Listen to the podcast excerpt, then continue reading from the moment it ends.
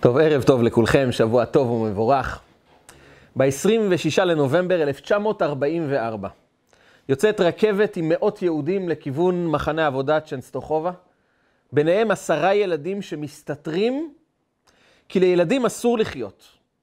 רק המבוגרים שהם כוח עבודה שיכול לתרום למאמץ המלחמתי של הנאצים, יכולים לחיות. אבל האבות הסתירו את הילדים איתם ביחד והם נכנסו למחנה. האבות הסתירו במפקד את כל הילדים מאחורה, אבל המפקד הנאצי הצליח לראות אותם, והתחיל לצרוח כמו מטורף, כל הילדים קדימה. והילדים נאלצו להגיע קדימה, הוא רואה את כל הילדים ומתחיל לצעוק. מה הביאו לי ילדים מלוכלכים? מה הם עוזרים לנו כאן? תשלחו אותם למחנה אחר, תהרגו אותם, אני לא רוצה לראות אותם יותר כאן. והילדים מסתכלים על המפקד ומבינים שזהו, החיים מסתיימים. קם ילד בן שבע, עמד על אבן קטנה ופתח בנאום חייו. אמר לו, אדוני המפקד, למה אתה מדבר ככה? אני לפני שנה עבדתי בבית חרושת לזכוכיות.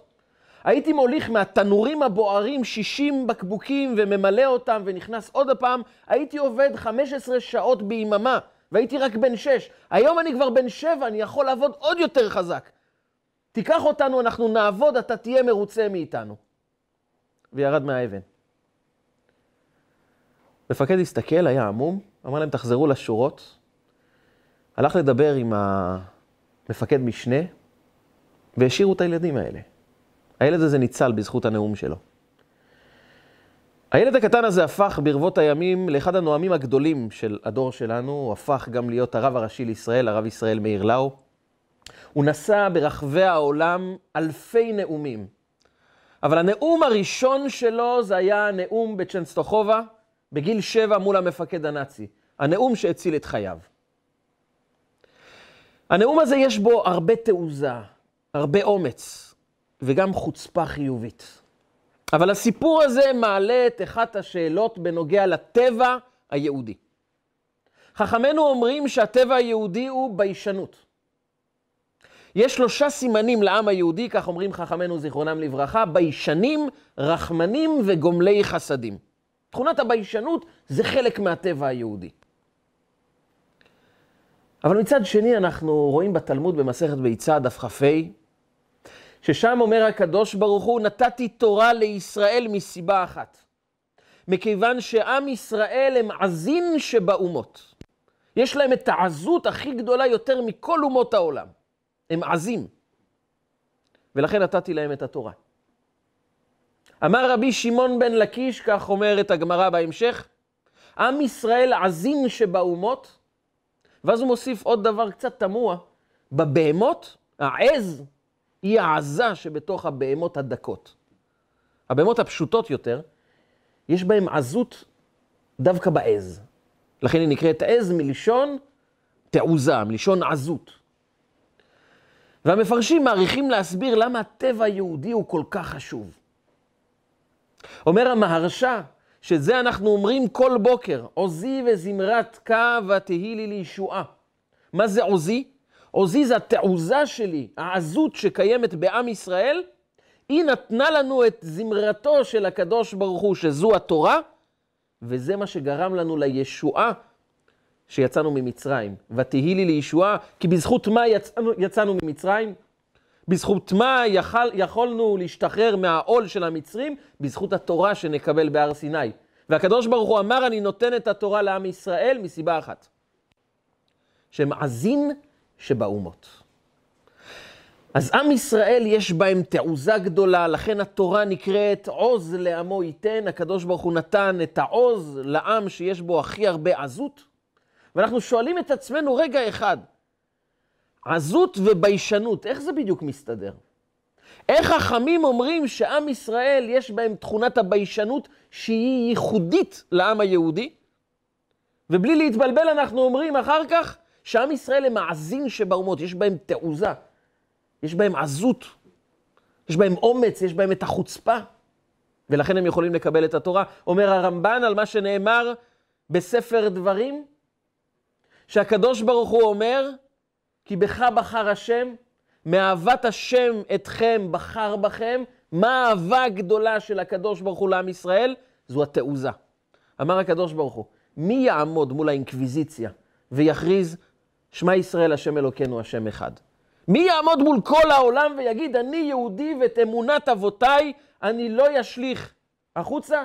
אני נשאר עם האמונה בקדוש ברוך הוא, אני מאמין, וגם אם אני צריך למסור את נפשי להשם, בידך הפקיד רוחי, פדית אותי השם כלבת. התעוזה הזו הפכה להיות הסיבה שהקדוש ברוך הוא כל כך אוהב את עם ישראל, כך מסביר הרמב"ן בספר דברים. ביישנות ועזות, אלו תכונות שהולכות יחד? מה זה בכלל ביישנות? ביישנות זה מידה טובה, לא מידה טובה, טוב להיות ביישן, לא טוב להיות ביישן, מה זה בכלל ביישנות?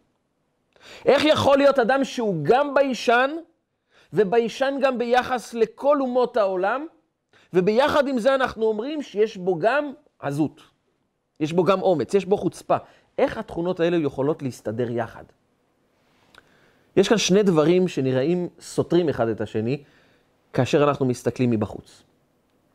כאשר אנחנו נחדור לעומק התכונות של העם היהודי, נבין שלא רק שהם לא סותרים אחד את השני, נבין שביישנות ועזות הם לא מנוגדים, אלא להפך.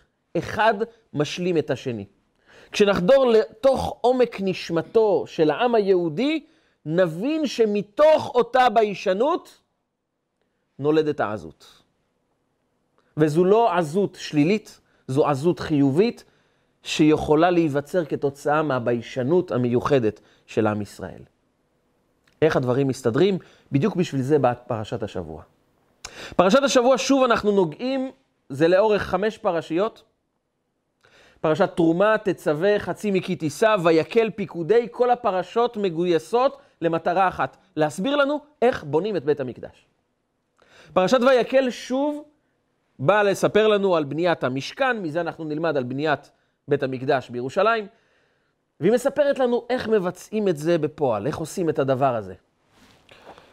ובאים אנשים שתורמים למשכן, וכך אומרת התורה. כל מי שנשאו ליבו ונדבה רוחו. יש שני סוגי אנשים שבאים לתרום לבית המקדש.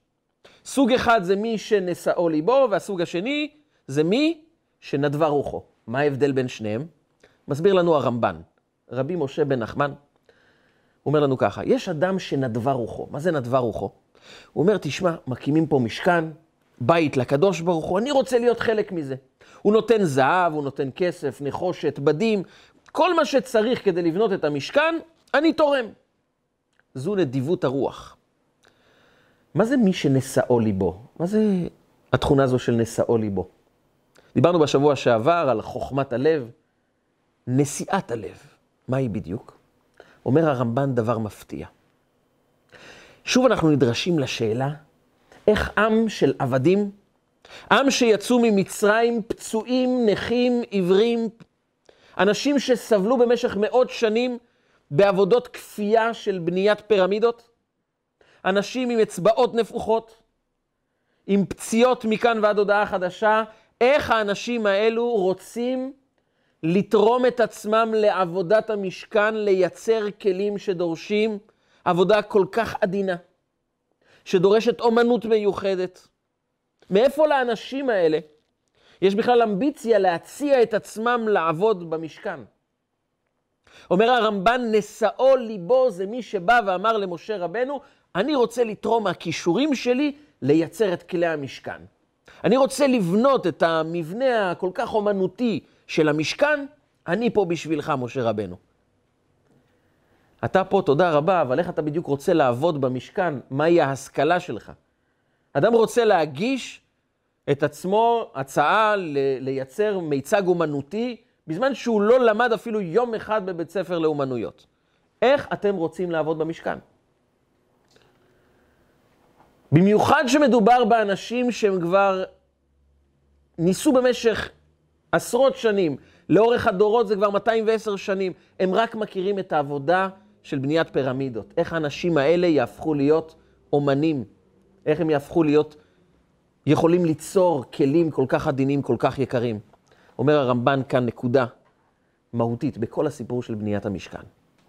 מי שנשאו ליבו זה אנשים שחשו הרגישו פנימה שהם מסוגלים לעבוד, הם יכולים לעשות את זה. אין להם עדיין את הידע. הם לא למדו, הם לא התנסו, הם לא אימנו את עצמם, אבל דבר אחד יש להם. יש להם תחושה פנימית של מסוגלות. ואומר הקדוש ברוך הוא, כשלאדם יש תחושת מסוגלות, שהוא מאמין שיש לו את הכוח, הוא לא יודע איך הוא הולך לבצע את זה, אבל הוא מאמין שהוא יכול לעשות את זה בצורה טובה. כל מי שנשאו ליבו ונדבה רוחו. אלו לא אנשים שרק תרמו מהממון שלהם, הם תרמו את הנפש שלהם, בלי לדעת איך הם הולכים לעשות את זה, אבל מתוך ידיעה פנימית, אני יכול לבצע את זה. והתחושה הזו, זו תחושה של עזות. זו תחושה שאדם בא ואומר, אני מסוגל, אבל איך אתה מסוגל? מאיפה אתה חושב שאתה יכול לייצר את הכלים האלו? אבל התעוזה הזו, העזות, היא לא עזות של חוצפה כלפי אנשים חשובים. זו לא עזות פנים שמזלזלת באנשים אחרים. זו עזות שנובעת מתחושה פנימית של אני מסוגל למרות שהעולם אומר לי אתה לא יכול. האנשים שבאו לתרום את עצמם לעבודת המשכן, מן הסתם הרבה אמרו להם, איך אתה שעד לא מזמן בנית פירמידות, שאתה פצוע כתוצאה מבנייה, ואף אחד במצרים לא היה אכפת לו, האם הבנייה עובדת לפי התקנים של שמירה על העובדים? אנשים שם נהרגו, נפצעו, הפכו לעיוורים, פסחים, ולאף אחד לא היה אכפת. והאנשים האלה, עם כל המוגבלות שלהם, באים ואומרים, אני אבנה את המשכן, אני אייצר את הכלים היקרים והיפים ביותר. התעוזה הזו, זו נשיאת הלב. ועל זה בא הקדוש ברוך הוא ואומר, ישראל הם עזין שבאומות. אני בוחר בעם הזה, כי לעם הזה יש תעוזה, הוא יודע להילחם. הוא יודע לא להסתכל על התנאים הבעייתיים, הוא לא מסתכל עד כמה יש תירוצים לא לעשות. היהודי העז אומר, לא מעניין אותי מה העולם אומר, אני חש שאני יכול, שאני מסוגל. תחושה פנימית שלכך נועדתי. אתה מרגיש שנועדת לזה? אתה חש פנימה שזו מטרת חייך? אל תסתכל על כל האנשים הנחמדים שבאים וממליצים לך מקרב לב, תעזוב אותך, תישאר איפה שאתה, אל תתקדם, אל תעשה, חבל, בשביל מה? זה כאב ראש. האנשים האלה נמצאים בתוך התפיסה של העבדות במצרים. אבל אדם צריך לסגל לעצמו את נשיאת הלב. את התחושה שאם יש משהו שמתאים לי, שאני יכול לעשות אותו, אני הולך ולא נכנע לתכתיבי המציאות, אני הולך ליצור את המציאות. אני הולך לשנות את התנאים של הטבע כדי שאני אוכל למלא את התפקיד שלי. משה רבנו, שהוא סמל הענווה. כך אומרת התורה, שמשה רבנו היה ענב מכל האדם אשר על פני האדמה. ננסה לדמיין לעצמנו את האדם שהוא אדם בעל הענווה הכי גדולה בעולם. מן הסתם לדמיין לעצמנו אדם שהולך מכופף, מה שלא צועקים עליו, איך שלא יורדים עליו, הוא תמיד אומר הכל בסדר, הכל טוב. כמה אפשר לסמוך על האדם הזה שיצא להילחם בשביל העם שלו? משה רבנו לא נבהל ממלחמה, לא נגד סיחון, לא נגד עוג, לא מול פרעה מלך מצרים, אבל יותר מכל, הוא לא מתבייש גם להתווכח עם בורא עולם. מספר לנו המדרש, ככה זה מגיע במקור מגמרא במסכת אה, ברכות בירושלמי. בתלמוד הירושלמי מסופר שהקדוש ברוך הוא אמר למשה רבנו בזמן חטא העגל, תרד, העם שלך חוטא בעבודה זרה, אין לי מה לתת להם תורה. משה רבנו אומר, אוקיי, אני הולך לרדת לטפל בהם. הוא לוקח את הלוחות איתו, אומר לו הקדוש ברוך הוא, איפה אתה לוקח את הלוחות? אני אומר לך עכשיו שהם חוטאים בעבודה זרה, אתה יורד עם הלוחות לאיזה מטרה? תשאיר את הלוחות כאן. אומרת הגמרא בירושלמי דבר מפתיע.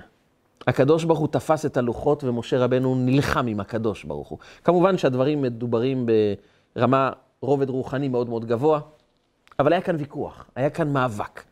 ומשה רבנו לקח את הלוחות בחוזקה וכביכול ניצח וירד עם הלוחות. הוא אמר נכון, צריך לטפל בעם ישראל, אבל אני לא מזניח את העובדה הזו שעם ישראל בסופו של דבר יקבלו את התורה. אולי אני אצטרך לשבור את הלוחות. אבל הלוחות לא יישארו למעלה. הלוחות ירדו למטה לעם ישראל, מגיע לעם שלי, לא משנה באיזה מצב הם. סיום ספר התורה הוא במשפט ולכל היד החזקה. בהמשך אשר, אשר עשה משה לעיני כל ישראל. מה זה היד החזקה? היד החזקה זה התוקף של משה רבנו שאמר, אני לוקח את הלוחות בשבילי. אני לוקח את הלוחות עבור עם ישראל, אני לא נכנע. התעוזה הזו מגיעה מהאדם שהוא עניו מכל האדם אשר על פני האדמה. איך זה מסתדר? איך משלבים בין תעוזה שהיא כל כך חשובה לעם היהודי? זה הכוח ששמר על עם ישראל לאורך כל הדורות, וביחד עם זה אנחנו אומרים, יש בהם תכונה מיוחדת, הם ביישנים. הביישנות הזו מסתדרת עם התעוזה? מספרים על חסידים שישבו בבית המדרש, ואחרי תפילת ערבית ישבו ואכלו מעט עוגיות, שתו קצת לחיים, התוועדו יחד, כיוון שהחסידים אומרים תמיד שישיבה יחד מתוך אהבת ישראל, אחד דואג לשני, אחד מדבר עם השני, כל אחד משתף את חברו במה עובר עליו, האהבה הזו, האחדות הזו, היא כמו לימוד תורה. היא מביאה בינינו אחדות, והאחדות הזו עוזרת לאחד לשני לעזור לאדם אחר, כאשר יש אהבת ישראל, אחדות ישראל, כל אחד מחזק את השני בחיים הרוחניים שלו, זה ממש כמו לימוד תורה. יצא הרבי שלהם, הרבי הקדוש מרוז'ין. רבי ישראל מרוז'ין יצא, ראה אותם שותים ואוכלים, והיה נראה לא מרוצה. היה נראה קצת כעוס. שאלו אותו החסידים, רבי, אתה לא מרוצה מזה שאנחנו יושבים ביחד? זו הרי התוועדות של חסידים יחד. אתה תמיד אומר שזה שקול כמו לימוד תורה. למה אתה לא מרוצה? הוא חייך אליהם ואמר להם, אתם יודעים, יש שני מילים, שתי מילים בתורה, שפעם שתי המילים האלו הם קדושה הכי גדולה, ופעם שתי המילים הללו הם הטומאה הכי גדולה. אותם שתי מילים. הם הסתכלו על הרבי ואמרו, איך יכול להיות שתי מילים, פעם זה הטומאה הכי גדולה, פעם זה הקדושה הכי גדולה? אמר להם, כן. נאמר על לוחות הברית, הקדוש ברוך הוא ביקש ממשה רבנו, פסול לך שני לוחות אבנים כראשונים. פסול לך שני לוחות אבנים. זה החפץ הקדוש ביותר שקיים בעולם, לוחות הברית. וכשהקדוש ברוך הוא אומר לנו לא לעבוד עבודה זרה, איך הוא אומר לנו את זה? לא תעשה לך פסל וכל תמונה. לך פסל, פסול לך, כשזה פסול לך זו הקדושה הגדולה ביותר, ולא תעשה לך פסל זו הטומאה הגדולה ביותר. איך אלוקים בחר בשתי מילים דומות לגמרי, נכתבות בצורה שווה, פעם זו טומאה הכי גדולה, פעם זו הקדושה הכי נשגבה. איך זה יכול להיות? אמר להם הרבי מרוז'ין, התשובה היא מאוד פשוטה. השאלה, איפה הלך נמצא? איפה האינטרס האישי שלך נמצא? כשקודם כל בחיים שלך אתה שם את האינטרס האישי, מה טוב לי, ורק אחר כך אתה פונה לראות מה תפקידי בעולם? כשאתה שם את הלך לפני הפסול, יוצא מזה, לא תעשה לך פסל וכל תמונה. זו מהותה של העבודה זרה. להתמקד בעצמי, במה טוב לי, בלי לראות מטרה ותכלית, אמת, טוב, חסד אמיתי שיורד לעולם. אבל כשאתה אומר קודם כל פסול, ורק אחר כך לך, לוחות הברית. אתה יוצר את הקדושה הגדולה ביותר בחיים שלך. כשאתה מתמקד במטרה, כשאתה אומר לעצמך, זה תפקידי ליצור שני לוחות הברית, פסול לך, הלך מגויס עבור השליחות האישית שלך, זו הקדושה הכי גדולה. וכאן בעצם אנחנו מגיעים למושג של מידה טובה. כשאנחנו מדברים על מידה טובה, אנחנו לא מדברים על תכונה מיוחדת. שימו לב שבעברית אנחנו לא אומרים תכונות טובות. אנחנו יותר משתמשים במושג של מידות טובות. מידה מגיעה מאיזה מילה? למדוד. הכוונה במידה זו הכמות, המדידה. יש כאן מסר פנימי שהיהדות אומרת לנו, אין תכונה טובה, תכונה רעה. כל תכונה יכולה להיות רעה וכל תכונה יכולה להיות טובה. השאלה המהותית היא המידה, המינון. בכמה אתה משתמש. כאשר אדם נדרש להציל חייהם של אנשים אחרים, כאן ביישנות זה לא טוב. תתמלא בתעוזה, בחוצפה חיובית. וכאשר אתה נמצא בחברה, אין לך מה להתגאות על האחרים, כאן המינון של התעוזה, של החוצפה, הוא לא טוב. כי מידה טובה זה היכולת שלנו לסגל כמות, מינון נכון של כל תכונה לפי המצב.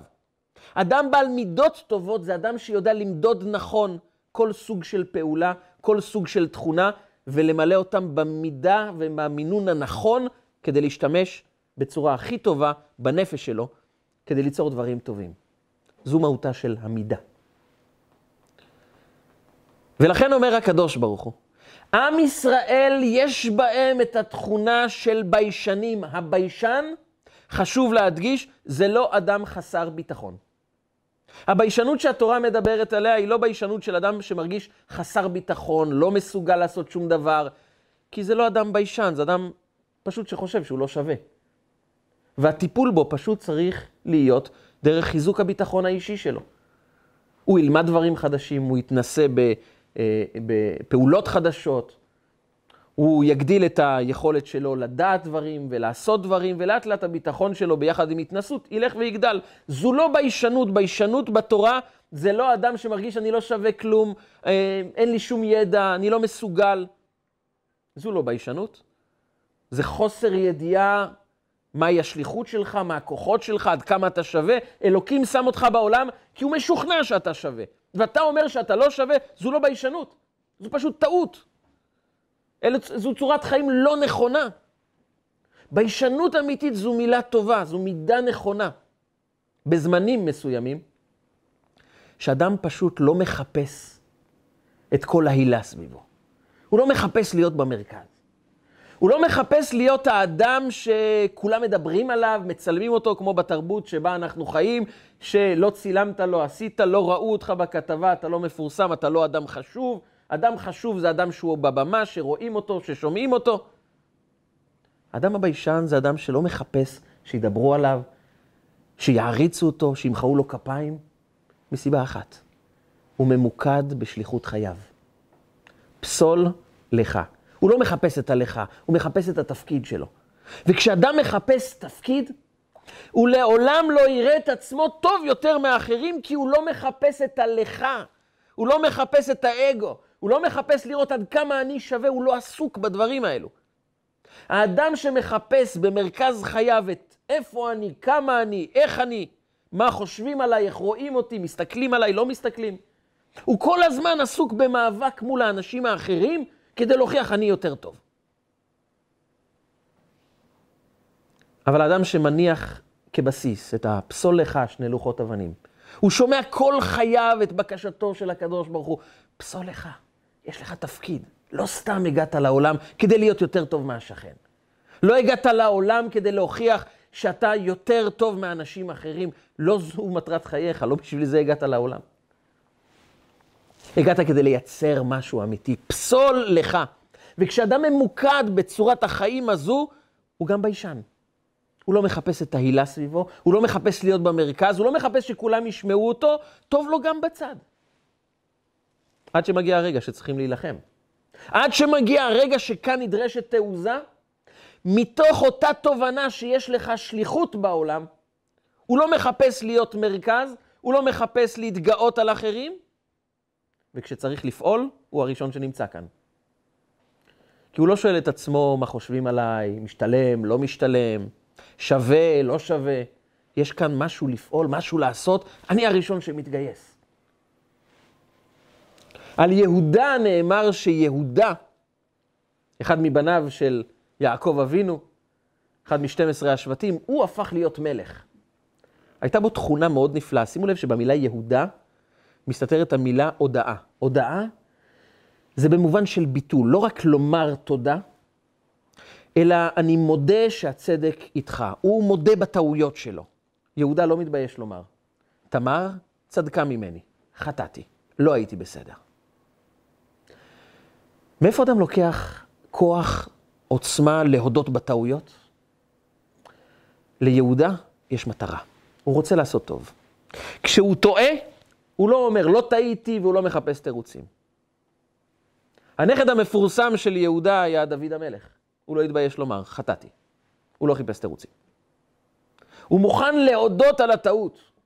ההודעה על הטעות, היכולת שלו לומר, נכון, אני לא בסדר, היא מגיעה מתוך עוצמה ולא מתוך חולשה. האדם שמפחד להודות בטעויות זה אדם שמרגיש כל כך חלש, שאם אני יודע שטעיתי, לא יישאר ממני שום דבר. אבק. לעולם אני לא יודע בטעויות. כי אם אני יודע, מה יישאר ממני? אבל יהודה מבין שיש תכלית, יש תפקיד.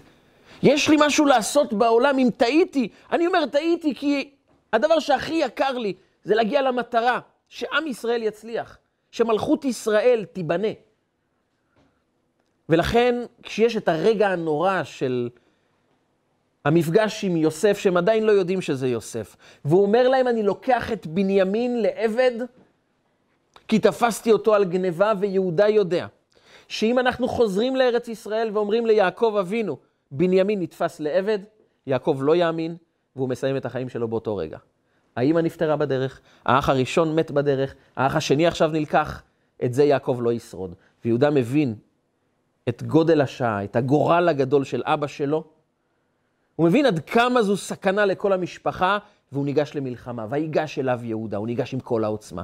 הוא יודע להודות בטעויות, הוא יודע לכופף את הראש, והוא יודע גם להרים את הראש, וניגש ישר ליוסף ואומר לו, תקשיב, אני יותר טוב ממנו בכל דבר. תראה, הוא חלש, אני חזק. אני חזק יותר, יפה יותר, מוצלח יותר.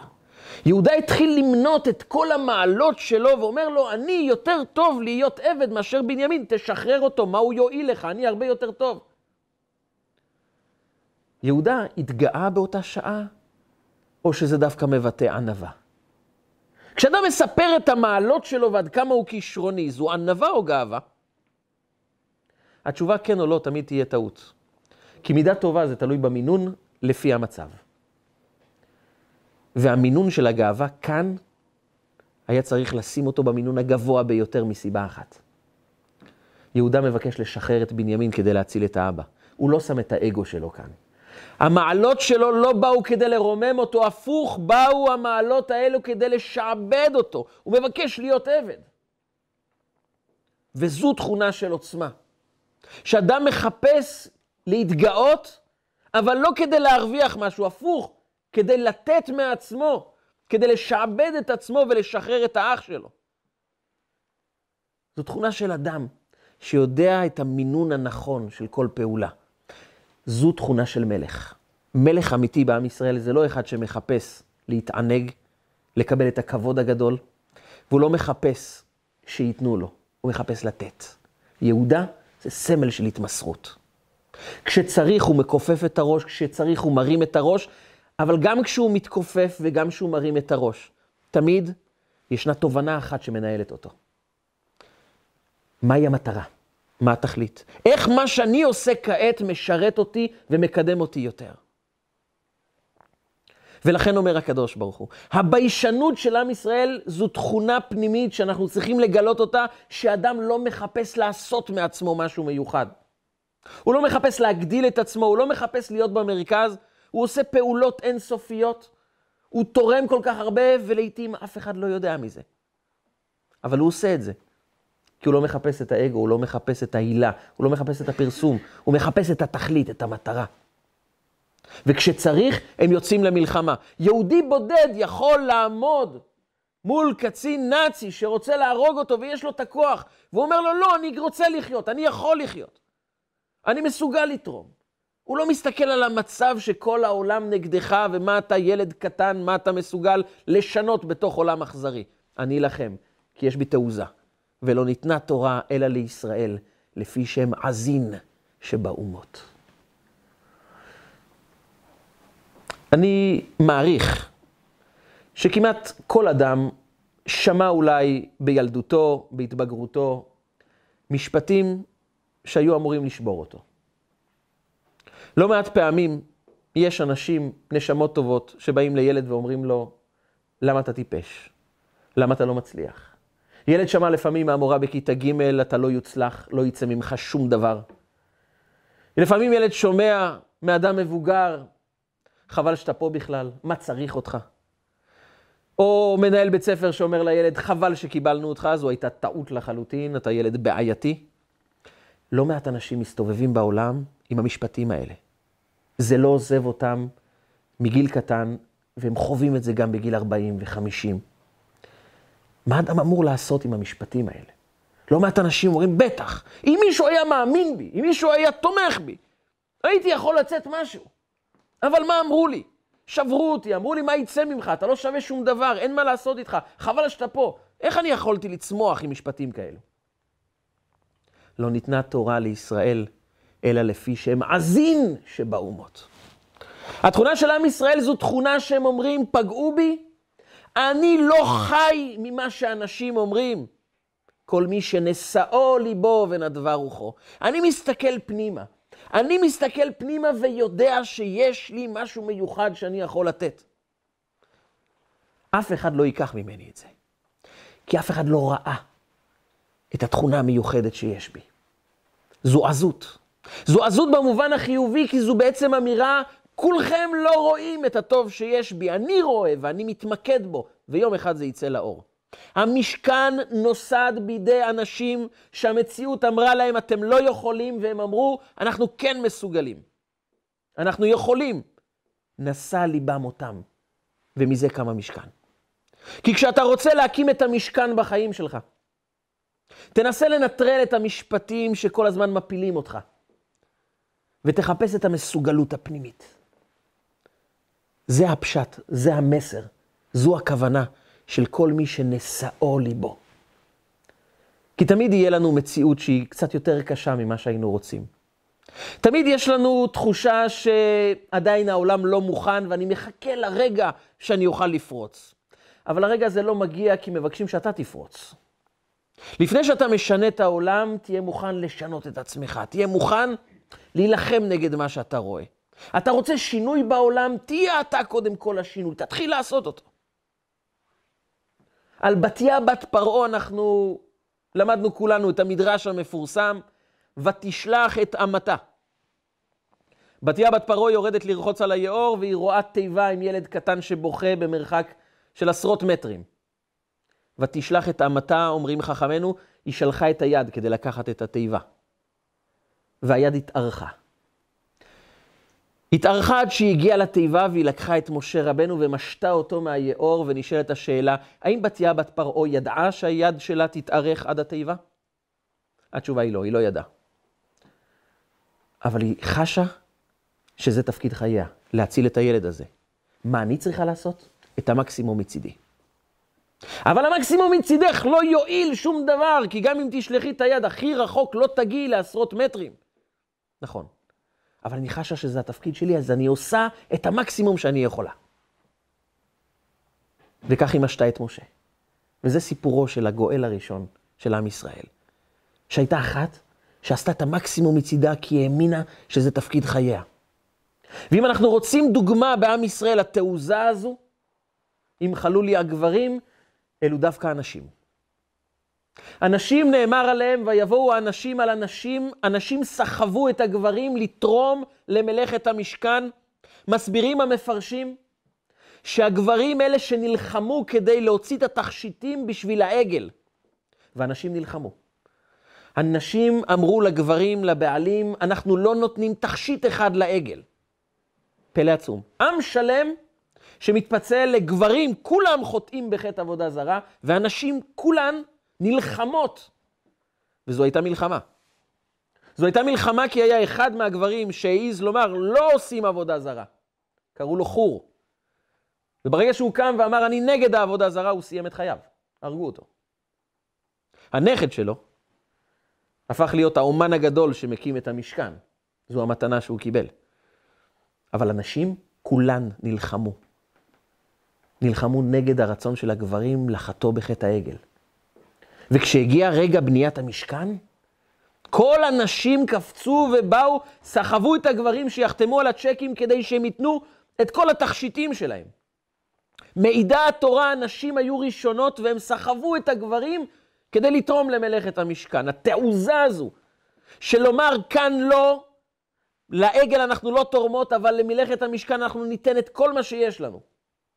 התעוזה הזו באה לידי ביטוי באחד התופעות המעניינות שהיה בזמן בניית המשכן, תכונה נשית שהתגלתה, אני לא יודע אם היום זה קיים כזו ידיעה במלאכת התפירה, לנשים באותה תקופה הייתה ידיעה, בתפירת צמר, כשהצמר עוד מחובר לעז. הם טבעו את הצמר על העיזים כשזה עוד מחובר לעיזים. וכאן כל המפרשים מנסים להבין איזה מין תכונה מוזרה זו. בשביל מה?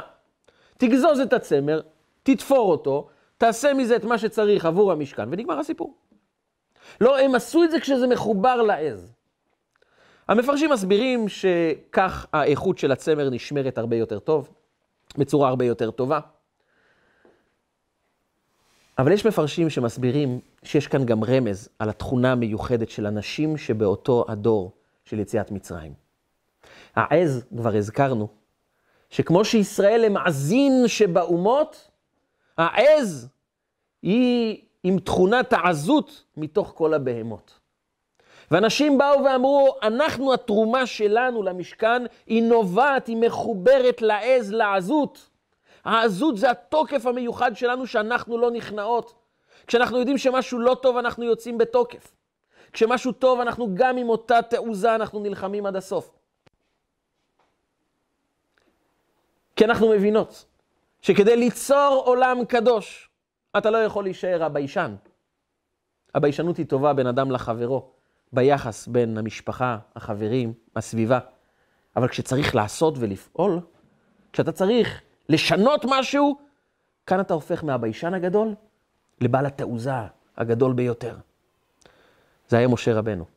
משה רבנו יורד מהר סיני עם הלוחות השניות, וכאשר הוא יורד, הוא לא ידע שקרן אור פני משה.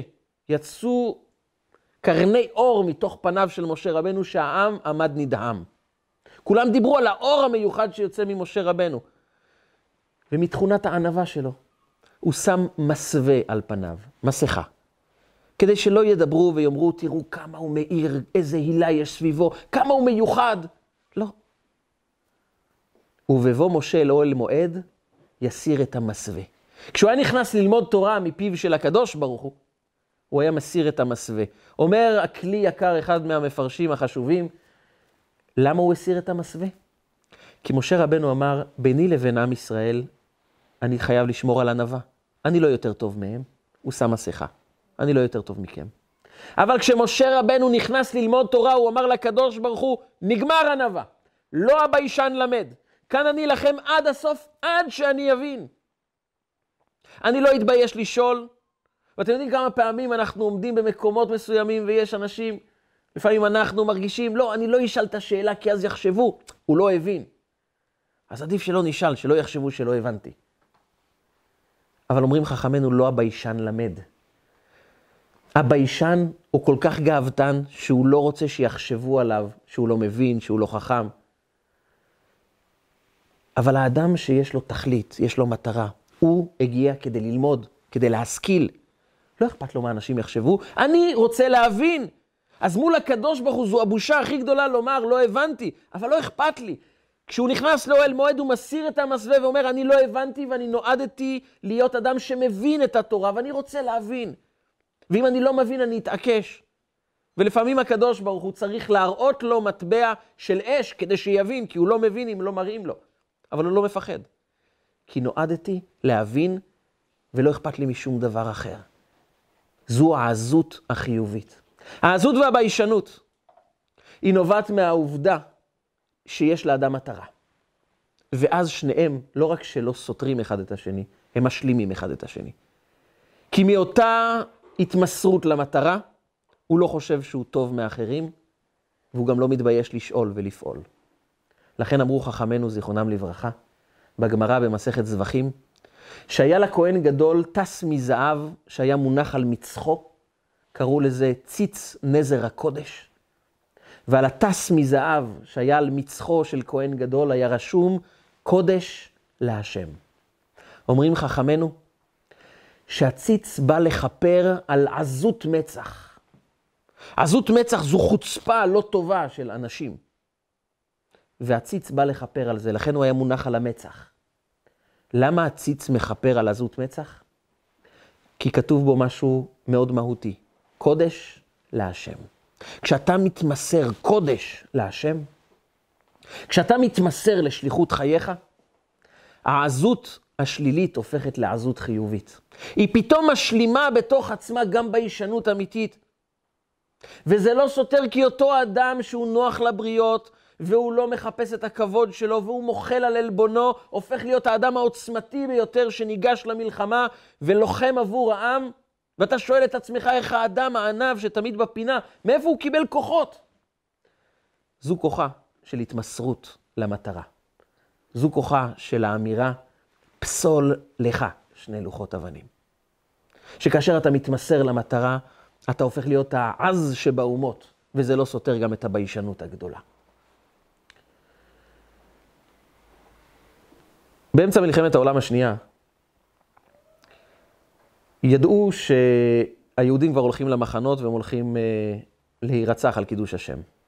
נהיה רעש בעולם מה יהיה עם הילדים. הילדים האלה, אפשר להציל אותם? ילדים קטנים. לצערנו, רוב אומות העולם נתנו מכסות מאוד קטנות של יהודים שיכולים להיכנס אצלם. הסיפור ארוך וידוע. מלך אנגליה הסכים לקבל אלף ילדים יהודים מאזור פולין והונגריה. קראו לזה קינדר טרנספורט, המסע של הילדים. וילדים נתלשו מההורים שלהם. הורים שמו את הילדים ברכבת, ילדים קטנים שגם לא הבינו למה אבא זורק אותנו לרכבת, ואין אבא ואין אימא, כולם בוכים. ילדים, ילדים גדולים יותר, נערים, הגיעו לאנגליה. אלף ילדים. ומלך אנגליה רצה לראות את הניצולים שהוא הציל. הוא נתן להם אישורי כניסה לאנגליה. אז עשו מסדר לפי הכללים הבריטיים הקשוחים. מסדר עם uh, גדרות, עם הדרכות מפורטות לילדים, כולם עומדים, לא זזים, לא מדברים, לא צועקים, לא נושמים. ידיים אחורה, ומחכים שהמלך יעבור על השטיח האדום. והמלך הגיע, דממה מוחלטת. הילדים עומדים, ומסתכלים על המלך שהציל אותם, והמלך בא לראות את הילדים שהוא הציל. בתוך אותו שקט, פתאום שומעים גרירה של איזה גדר שזזה, ילד קטן, בן עשר, פורץ את הגדר ורץ לכיוון המלך. הפרה מוחלטת של כל הכללים וכל התנאים של הטקס. מיד רצים אחריו כמה שוטרים, אבל הוא היה מהיר מאוד. הוא רץ עד שהוא הגיע לרגליים של המלך ונפל לרגליים של המלך והתחיל לדבר איתו בהונגרית. מלך אנגליה לא מבין הונגרית. והשוטרים תפסו אותו ורצו להחזיר אותו למקום, אבל מלך אנגליה אמר להם, תעצרו רגע, אני רוצה לשמוע. מה יש בלב של ילד שלא אכפת לו גם ממלך אנגליה, לא אכפת לו מכללים, לא אכפת לו מחוקים של מדינה? מה יש לו לומר? הביאו מתורגמן, וכך הילד אמר למלך, אני רוצה להודות לך שהצלת את החיים שלי. אני יודע שהלב הרחום והחנון שלך נתן לך את הכוח להציל אותנו. אבל אני חייב להגיד לך משהו. יש לי אבא ואימא בהונגריה שלא ניצלו. האם אני יכול לבקש ממך עוד שני כרטיסים בשביל אבא ואימא? זה אני יכול לבקש? כי אני ממש מתגעגע אליהם, אני לא יכול לישון בלילה. המלך מאוד התרגש. הוא אמר למזכיר שלו, תדאג לעוד שני כרטיסים לילדים שלו. קח פרטים, אני רוצה את ההורים שלו כאן באנגליה. אחרי שבועיים, הילד פגש את ההורים שלו. את הסיפור הזה סיפר הרב טוביה וייס, הוא חי היום, בן 96, רבה של העדה החרדית בירושלים. הוא אמר, היינו אלף ילדים. אחד מאיתנו לא זכה לראות את ההורים שלו, חוץ מאותו ילד. כי הוא ידע להיות חוצפן. כי לא ניתנה תורה אלא לישראל לפי שהם עזים שבאומות. כשאתה יודע להזיז גדרות, כשאתה יודע לומר, לא מעניין אותי המציאות, לי יש מטרה, אני הולך להציל את אבא ואימא, אני הולך להציל את החיים שלי. אז גם הילד הקטן הזה נשא את נאום חייו שהביא לו את אבא ואימא. כי מי שיש לו מטרה, הוא גם אדם הביישן, הענב, וגם בעל התעוזה הגדולה. ושני התכונות האלה יוצרות את סוד טבעו של העם היהודי. אם נדע גם אנחנו להיות עם תעוזה קצת יותר גדולה, וגם לפנות למלך מלכי המלכים, הקדוש ברוך הוא, ולומר לו, הגיע הזמן כבר שנראה את אבא שלנו, שנפגוש כבר את הגאולה השלמה, את בניין בית המקדש, במהרה בימינו, אמן ואמן. הקדוש ברוך הוא ייתן לנו גאולה שלמה, אמן ואמן. רגע של חוכמה, רגעים קצרים ומשנה חיים. הצטרפו אלינו, הרשמו לערוצי רגע של חוכמה ביוטיוב, בפייסבוק, באינסטגרם ובוואטסאפ.